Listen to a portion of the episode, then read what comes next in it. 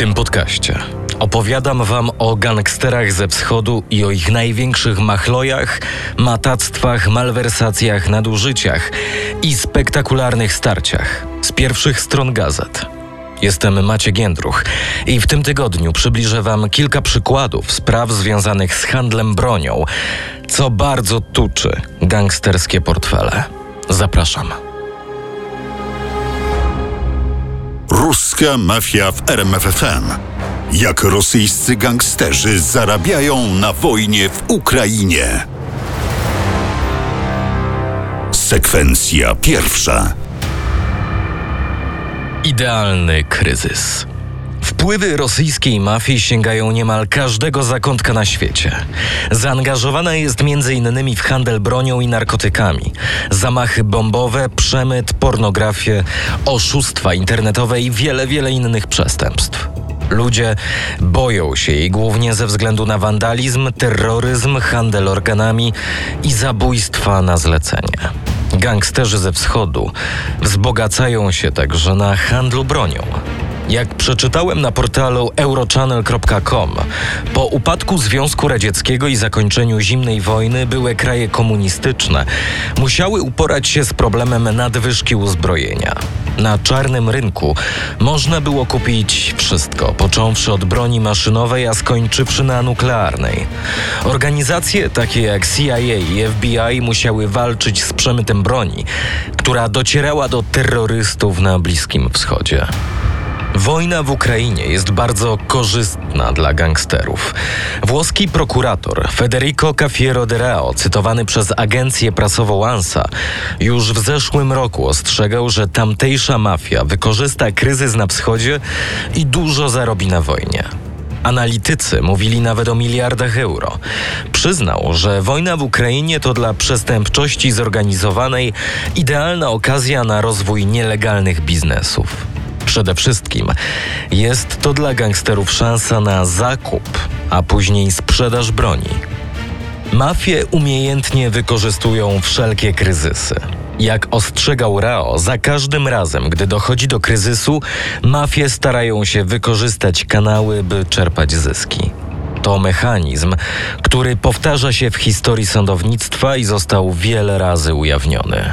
Z kolei prokurator Nicola Gratteri w wywiadzie dla gazety La Nuova Calabria zwrócił uwagę na to, że po wojnie pozostaje mnóstwo broni bez opieki, która później może trafić na czarny rynek. Właśnie dlatego wojna w Ukrainie może być szczególnie interesująca dla przestępczości zorganizowanej. Przykładem tego, jak mafie wykorzystują kryzysy, jest pandemia COVID-19. Mafie są organizacjami pasożytniczymi, są obecne tam, gdzie są pieniądze i władza. A gdy inni są w kryzysie, mafie wykorzystują to i dopuszczają się nadużyć. O tym także powiedział Gratteri dla La Nuova Calabria. Jak przeczytałem, w tym samym materiale mafie w czasie kryzysu wywołanego pandemią kupowały upadające przedsiębiorstwa za grosze, pozostawiały prawowitych właścicieli na stanowiskach i prały mafijne pieniądze. A to, że gangsterzy rosyjscy działają na Ukrainie, wydaje się oczywiste. Potwierdza to chociażby informacja 13 lutego 2023 roku. Według informacji prasowych w drugiej połowie 2022 roku na Ukrainie zginęli trzej znani rosyjscy gangsterzy, którzy od lat 90. XX wieku kierowali zorganizowanymi grupami przestępczymi. Mężczyźni byli w najemniczej grupie Wagnera. 55-letni Andrzej Bierjażnych, pseudonim Mściciel, zginął w grudniu około miesiąca po zawarciu kontraktu z Wagnerowcami. W latach 1994-2001 Bierjeżnych był szefem grupy przestępczej z miasta Bałakowo w obwodzie saratowskim, zajmującej się m.in. morderstwami na zlecenie, rozbojami i handlem bronią.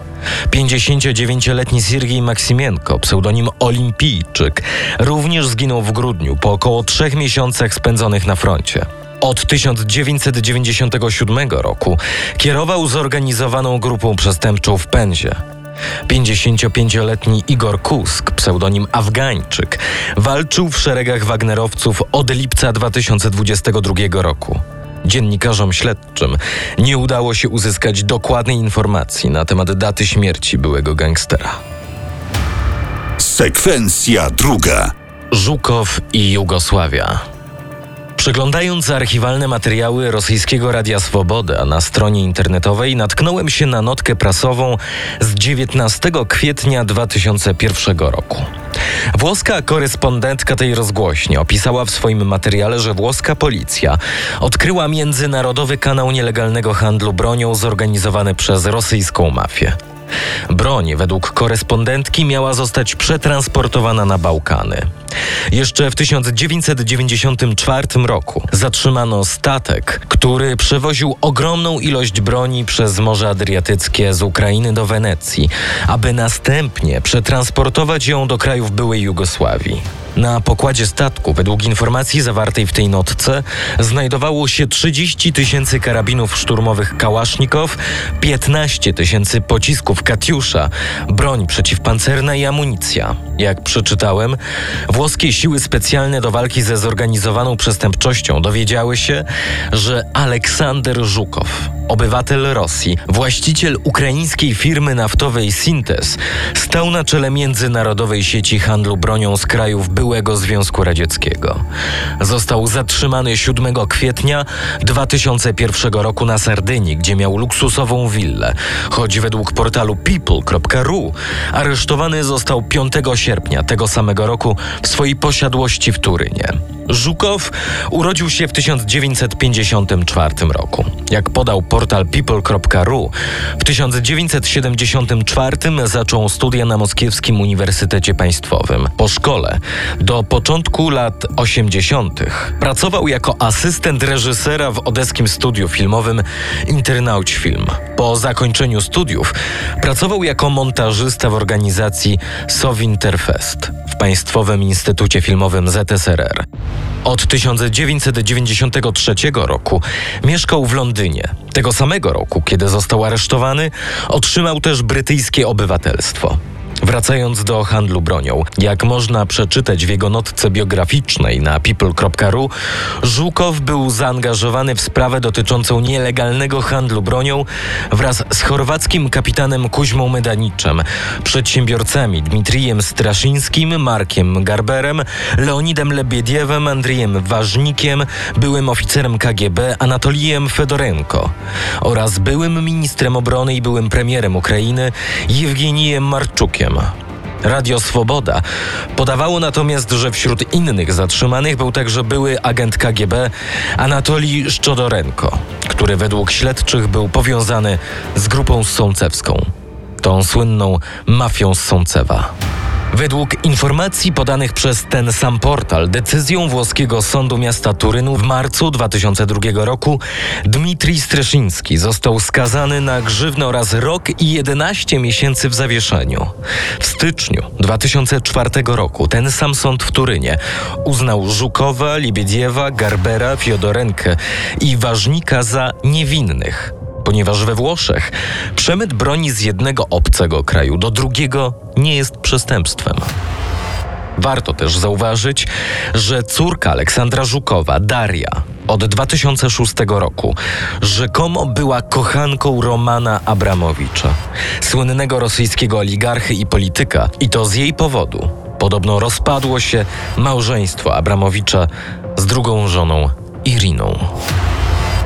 Sekwencja trzecia. Hiszpański raj. Szukając informacji na temat handlu bronią przez rosyjskich gangsterów, natknąłem się na archiwalny materiał z 1999 roku, opublikowany na stronie internetowej lienta.ru. Tam przeczytałem, że według hiszpańskiej policji rosyjska mafia wykorzystuje Wyspy Kanaryjskie jako punkt tranzytowy dla nielegalnego handlu bronią z Rosji, która następnie jest sprzedawana do Angolii, Kongo i Sierra Leone. RIA Nowości za to, powołując się na hiszpańską gazetę El Mundo, informowała, że według policji broń była przywożona na Wyspy Kanaryjskie na rosyjskich łodziach rybackich, które łowią u wybrzeży Afryki i zawijają do portu na Teneryfie w celu wymiany załogi.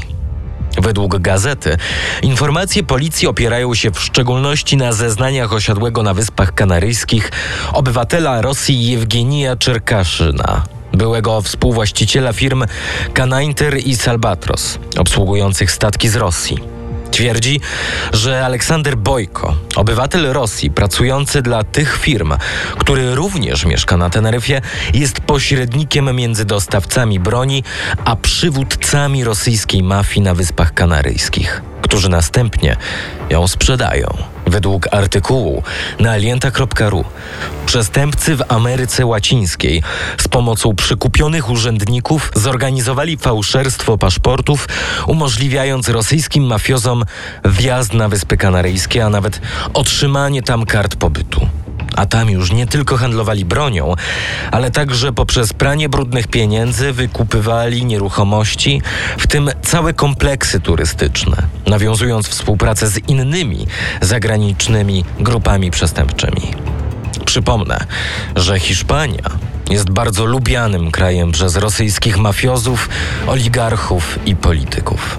W jednym z poprzednich odcinków ruskiej mafii opowiadałem o Costa del Sol. Stolicą tego regionu jest miasto Marbella.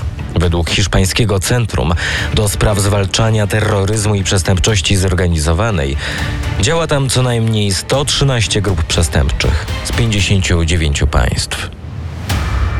W następnym odcinku. W tym roku Sąd Okręgowy w Rostowie skazał członkinię gangu nazwanego Banda Amazonek na kary od 24 do 25 lat więzienia. Udowodniono, że kobiety atakowały kierowców i policjantów i odpowiadały za 30 zabójstw. Jestem Maciek Jędruch i właśnie o kobietach ruskiej mafii opowiem Wam w kolejnym odcinku. Zapraszam.